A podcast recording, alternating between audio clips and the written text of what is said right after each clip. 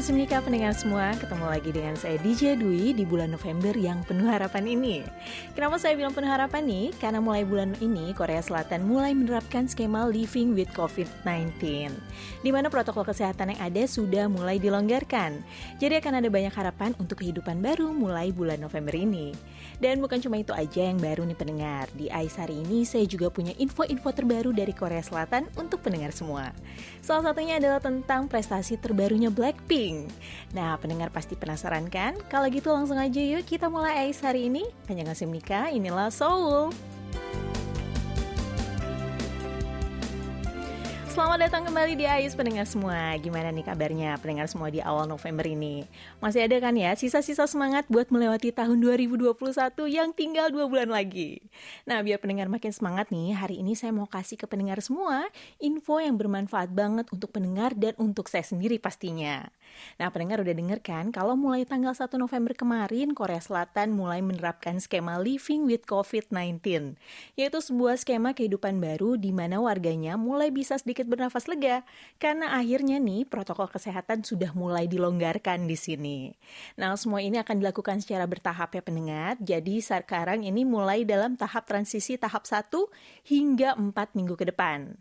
Sebenarnya kehidupan new normal bersama COVID ini bukan cuma ada di Korea Selatan aja pendengar, tapi di beberapa negara maju lainnya pemerintahnya juga sudah mulai melonggarkan protokol kesehatan. Itu berarti suatu pertanda baik ya pendengar, karena berarti COVID-19 ini bukan lagi ancaman yang parah seperti waktu awal kemunculannya dulu. Nah kalau misalnya COVID-19 bukan lagi ancaman besar, apakah itu berarti umat manusia udah benar-benar aman? Atau malah masih ada ancaman besar lain yang menanti? Nah, ternyata menurut para ahli masih ada ancaman besar yang sedang menanti kita nih pendengar. Kalau misalnya kita nggak segera bergerak, yaitu ancaman pemanasan global. Nah, selama pandemi kemarin kita emang sempat ngelupain ya ancaman besar ini karena terlalu fokus nih memerangin COVID. Tapi sekarang udah saatnya kita bergerak lagi nih untuk sama-sama melawan pemanasan global. Nah, beruntungnya kita nih pendengar, ternyata pemerintah kita nggak tinggal diem aja nih menanggapi masalah ini. Begitu juga dengan pemerintah Korea yang sudah sudah siap nih dengan kebijakan-kebijakan jangka panjang mereka dalam menghadapi pemanasan global. Jadi pemerintah kedua negara yang diwakili oleh Kementerian Kelautan dan Perikanan Korea Selatan dan juga Kemenko Kemaritiman dan Investasi Republik Indonesia ini mengadakan sebuah acara dialog khusus yang khusus membahas tentang kebijakan netralitas karbon pada masing-masing negara dengan tema Policy Dialogue to Strengthen Blue Carbon's Contribution to Carbon Neutrality. Nah, apa sih yang dimaksud dengan karbon biru ini? Ternyata karbon biru ini adalah karbon yang diserap oleh ekosistem tumbuhan di daerah pesisir, seperti oleh halofit, rumput laut, dan juga alga yang tumbuh di laut dan dataran pasang surut tepi pantai. Nah, ini akan jadi topik utama yang dibahas oleh kedua negara di acara dialog yang akan diadakan tanggal 3 November besok. Lebih tepatnya nih tentang perubahan iklim dan penanggulangan netralitas karbon yang berpusat pada karbon biru. Dari Korea Selatan nih, mereka akan memaparkan salah satu dataran dataran pasang surut mereka yang jadi dataran pasang surut terbesar kelima di dunia, yang mampu menyerap sampai 260 ribu ton karbon dioksida per tahunnya, atau setara dengan emisi karbon dioksida dari 110 ribu mobil. Nah, pemerintah Korea akan menyampaikan pentingnya perluasan cekungan laut, termasuk dataran pasang surut, dan juga rencana promosi netralitas karbon di sektor kelautan dan juga perikanan untuk meningkatkan target pengurangan gas rumah kaca nasional tahun 2030 di Korea Korea Selatan. Sementara itu dari Indonesia, mereka akan memaparkan tentang visi Indonesia 2030 dan kebijakan mangrove-nya. Nah, Indonesia memang terkenal sebagai negara yang punya hutan mangrove terbesar di dunia, pendengar. Dan hutan mangrove yang juga penyerap karbon utama di dunia ini telah disertifikasi oleh Intergovernmental Panel on Climate Change atau biasa disebut dengan IPCC. Lalu acara dialog ini juga merupakan bagian dari Konvensi Kerangka Kerja PBB tentang Perubahan Iklim atau COP26 yang berlangsung mulai tanggal 31 Oktober kemarin hingga 12 November mendatang di Glasgow, Inggris. Tujuan dari COP yang dihadiri oleh perwakilan-perwakilan negara di seluruh dunia ini adalah untuk membentuk kebijakan-kebijakan untuk melawan perubahan iklim seperti membatasi dampak aktivitas manusia atas iklim, juga aktivitas di bidang industri dan lain sebagainya. Nah, walaupun kedengarannya berat banget ya pendengar ya, membahas tentang perubahan iklim dan pemanasan global ini penting banget ternyata pendengar. Dan acara dialog tadi adalah agenda yang sangat penting bagi Korea Selatan dan juga untuk Indonesia pastinya, yang udah terus nih menjalin kerjasama dalam mengatasi perubahan iklim dan netralitas karbon. Jadi, walaupun pandemi udah mulai reda ya, jangan sampai lengah nih pendengar. Masih ada ancaman lain yang mengintai keberadaan kita sebagai manusia di bumi ini. Kalau bukan kita, siapa lagi yang mau menjaga bumi kita tercinta ini?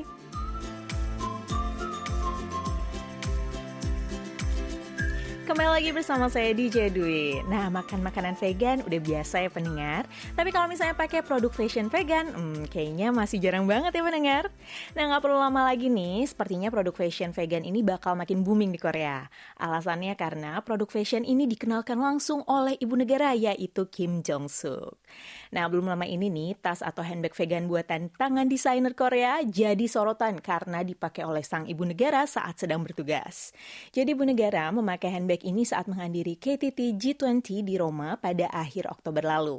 Nah, bukan ibu-ibu namanya ya pendengar, kalau pas lagi kumpul nggak ngomongin soal fashion. Ternyata ibu negara Korea ini juga sama aja pendengar. Dengan bangga nih ya, ia mengenalkan handbag vegan miliknya ke rekan-rekannya di event tersebut. Lalu ibu negara juga menjelaskan kalau handbagnya ini sangat ramah lingkungan dan nggak merusak hutan. Kenapa? Karena terbuat dari pohon murbei yang berumur satu tahun saja. Ya, handbag ini memang terbuat dari pohon murbei yang sudah diolah diolah menjadi kertas tradisional Korea atau disebutnya hanji. Nah, karena terbuatnya dari kertas nih, handbag ini sangat ringan, beratnya itu hanya sekitar 500 gram saja pendengar. Tapi tetap kuat, tahan air, dan tahan goresan. Lalu harga satuannya nih dibanderol sekitar 327 ribu won atau sekitar 4 juta rupiah. Nah, di dunia fashion internasional, tas vegan semacam ini emang lagi jadi sorotan nih pendengar, terutama setelah sebuah brand fashion global dunia merilis tas vegan pertama mereka yang terbuat dari jamur. Nah, sementara di Korea sendiri nih, tas vegan Hanji yang dipakai oleh ibu negara ternyata sudah dirilis sejak bulan November tahun lalu. Sang desainer nih mampu menyulap kertas-kertas Hanji menjadi tas seperti tas kulit. Sampai-sampai nih ya, banyak pelanggan yang nggak bisa bedain antara tas vegan Hanji sama tas kulit beneran. Nah, kertas Korea yang Hanji ini memang terkenal sebagai kertas yang kuat banget pendengar. Jadi Hanji ini ternyata sudah ada sejak zaman kerajaan dan sudah banyak dimanfaatkan untuk membuat kerajinan tangan. Baik itu untuk peralatan rumah tangga dan juga sebagai media untuk menulis. Bahkan nih, teks tertua yang ditulis di atas Hanji dan sudah berumur 800 tahun, ini masih ada nih utuh sampai saat ini. Terbukti kan ya kalau misalnya kuat banget nih pendengar kalau kertas Hanji ini. Lalu proses pembuatan Hanji sendiri juga nggak mudah pendengar. Sampai-sampai nih ada yang bilang kalau butuh waktu belajar selumur hidup untuk bisa membuat hanji yang sempurna. Nah, benar-benar sebuah ide yang bagus ya pendengar membuat tas dari bahan hanji ini selain bisa lebih awet dan ini juga bahannya ramah lingkungan. Ibu negara Korea aja nih langsung jatuh cinta dan bangga banget sama handbag vegan hanji karya desainer dalam negeri ini. Saya sih berharap nih ke depannya makin banyak produk-produk fashion vegan atau ramah lingkungan. Dan tentunya berharap juga ya supaya harganya ramah di kantong supaya produk fashion ramah lingkungan ini bisa dijangkau oleh semua kalangan.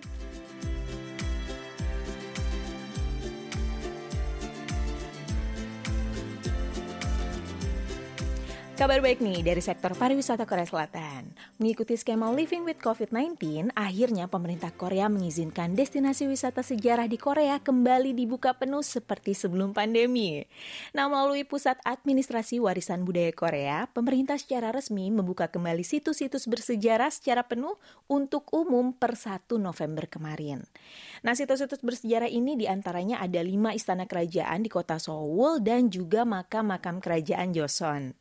Ruang-ruang pameran dalam istana yang sebelumnya juga ditutup nih selama pandemi sekarang sudah kembali bisa dikunjungi pendengar. Nah, bagi masyarakat yang mau berkunjung ke tempat-tempat ini juga nggak perlu lagi repot reservasi, karena sekarang sistem reservasi itu sudah ditiadakan pendengar, jadi bisa langsung datang aja ya.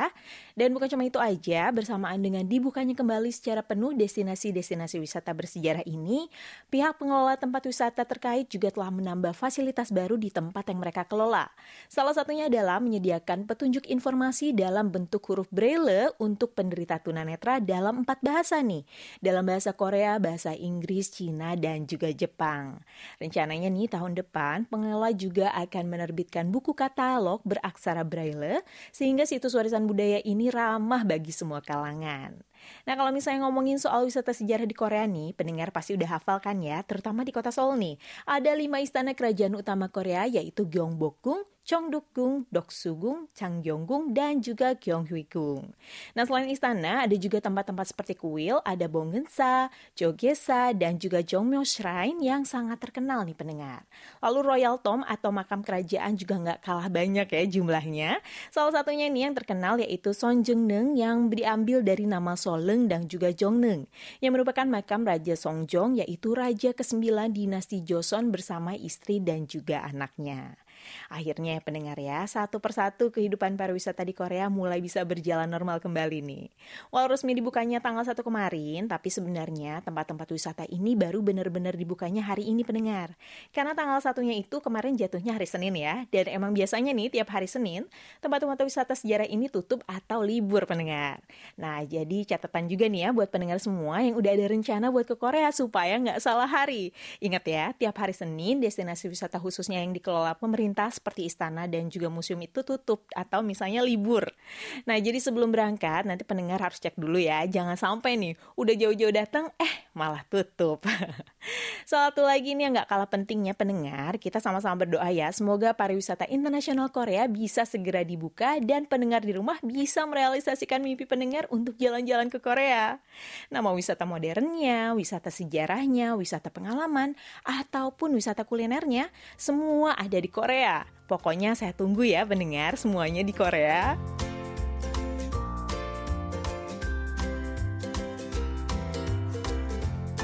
Seperti janji saya tadi, sekarang saya bakalan kasih info ke pendengar semua tentang kabar perkuliahan di Korea sekarang. Hampir 2 tahun nih pandemi memang jadi pukulan besar banget ya buat dunia pendidikan yang juga harus ngerasain nih dampak langsung dari pandemi. Bayangin aja ya, udah hampir 2 tahun nih dari siswa SD sampai mahasiswa harus ngerasain belajar jarak jauh atau via online. Nah, pendengar juga pasti ada yang ngerasain juga kan ya, ada banyak sekali kendala yang dialami selama belajar online ini. Dan yang paling kerasa banget adalah kita jadi nggak kenal sama kampus atau sekolah sendiri, bahkan sama guru dan juga teman-teman kita. Nah, kesedihan ini juga dirasakan oleh mahasiswa di Korea yang udah bosan banget nih kuliah online dan gak sabar untuk kuliah tatap muka di kampus. Maka dari itu, waktu pemerintah Korea mengeluarkan kebijakan mengizinkan kembali kuliah tatap muka di masa transisi living with COVID-19 ini, wah langkah ini langsung disambut baik sama para mahasiswa di sini.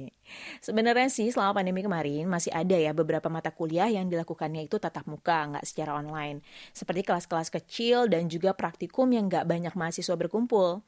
Tapi tapi kegiatan-kegiatan kampus kan banyak yang dibatasin ya. Dan fasilitas seperti kantin, perpustakaan, lapangan olahraga, aula, dan juga fasilitas penunjang lainnya juga dilarang dipakai selama pandemi lalu penantian yang cukup panjang ya pendengar ya, terutama bagi mahasiswa angkatan COVID nih, atau angkatan 2020 dan 2021 yang belum mencicipi sama sekali nih bangku kampus, karena dari awal ospek sampai kuliah harus online semuanya. Tapi tanggal 29 Oktober lalu, Kementerian Pendidikan Korea ini mengumumkan akan membuka kelas tatap muka di semester pendek musim dingin ini, dan mewajibkan kelas tatap muka mulai semester tahun depan. Di beberapa kampus juga sudah mulai nih terlihat banyak mahasiswa yang datang datang dan kegiatan mahasiswa yang sempat berhenti nih sekarang mulai aktif kembali dilakukan. Tentu saja ini kabar baik ya pendengar ya, bukan cuma buat mahasiswa angkatan COVID aja, tapi juga buat mahasiswa tua nih alias angkatan lama. Nah buat mahasiswa baru yang belum sempat merasakan kehidupan kampus, akhirnya mereka bisa datang ke kampus dan ngerasa ini jadi mahasiswa sesungguhnya di kampus. Mengenal kampus mereka sendiri, mengenal dosen-dosen, juga teman-teman yang bakal jadi teman seperjuangan mereka selama kuliah ini. Dan yang bikin kuliah makin seru adalah bisa ikut kegiatan-kegiatan mahasiswa yang bisa bikin kita makin eksis dan punya banyak kenalan. Nah kalau itu kan buat mahasiswa angkatan baru ya pendengar. Nah kalau buat mahasiswa yang senior-senior nih, mereka juga ternyata nggak kalah semangat nih menyambut kuliah tatap muka. Walaupun udah mau lulus ya, ternyata mahasiswa-mahasiswa ini masih pengen banget nih ngerasain kuliah tatap muka lagi biar bisa merasakan lagi nih suasana kampus, ketemu teman-teman lagi, bikin acara dan festival di kampus, lalu olahraga bareng. Pokoknya banyak banget ya daftar kegiatan yang mau mereka lakuin nih kalau misalnya nanti kampus udah dibuka lagi. Lalu bulan November ini juga bulan yang penuh harapan banget nih bagi masyarakat Korea karena akhirnya mereka bisa setahap demi setahap merasakan kembali kehidupan normal. Para mahasiswanya juga nggak mau kalah nih bersiap diri kembali ke kampus masing-masing. Nah kalau pendengar di rumah gimana nih? Masih betah kuliah online atau udah sama-sama nggak sabar nih pengen kuliah offline aja biar bisa ketemu teman-teman dan seru-seruan bareng gitu misalnya. Tapi tentunya walau udah dibuka kembali bukan berarti kita bisa lalai ya pendengar ya. Jangan sampai nih kita lupa kalau virus COVID-19 ini ternyata masih ada loh dan masih bisa menyerang kita kapan saja. Jadi kalau misalnya pendengar di Indonesia nanti juga akhirnya bisa merasakan kuliah online lagi, jangan lupa ya untuk tetap pakai masker dan jaga kesehatan.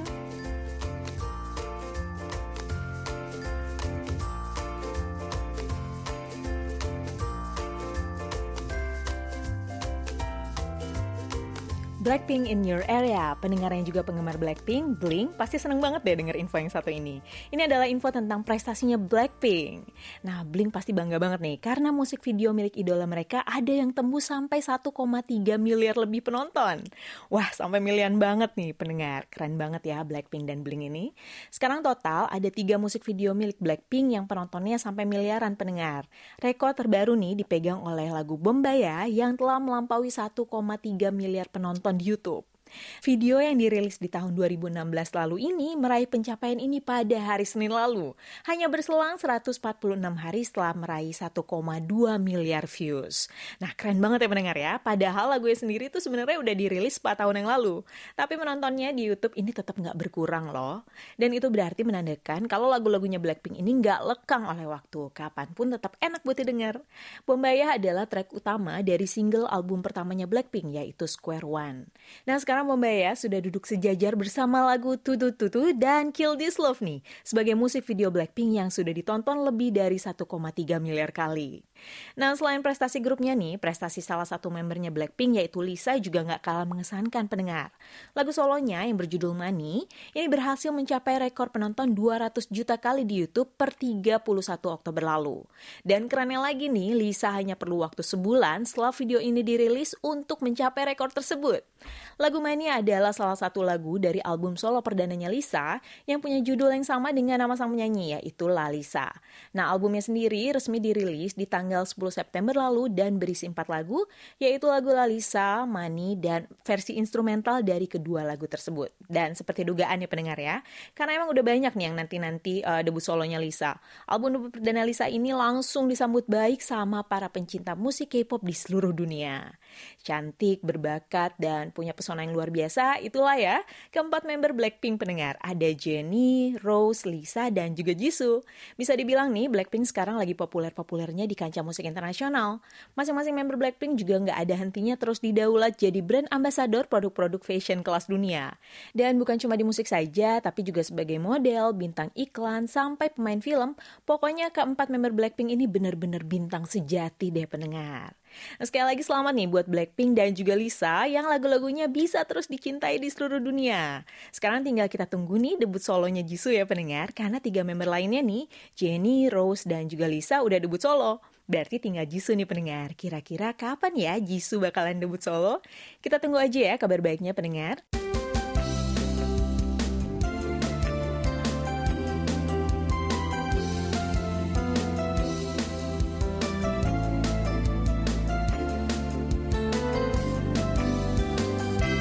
Nggak kerasa waktu cepat banget berlalu ya pendengar. Akhirnya sampai juga nih kita di penghujung program Ais hari ini. Jangan lupa untuk tetap pakai masker dan jaga kesehatan walaupun sekarang protokol kesehatan sudah mulai longgar. Semoga pendengar makin termotivasi untuk jalan-jalan ke Korea. Saya DJ Dwi pamit undur diri. Nildo Hamgeheo.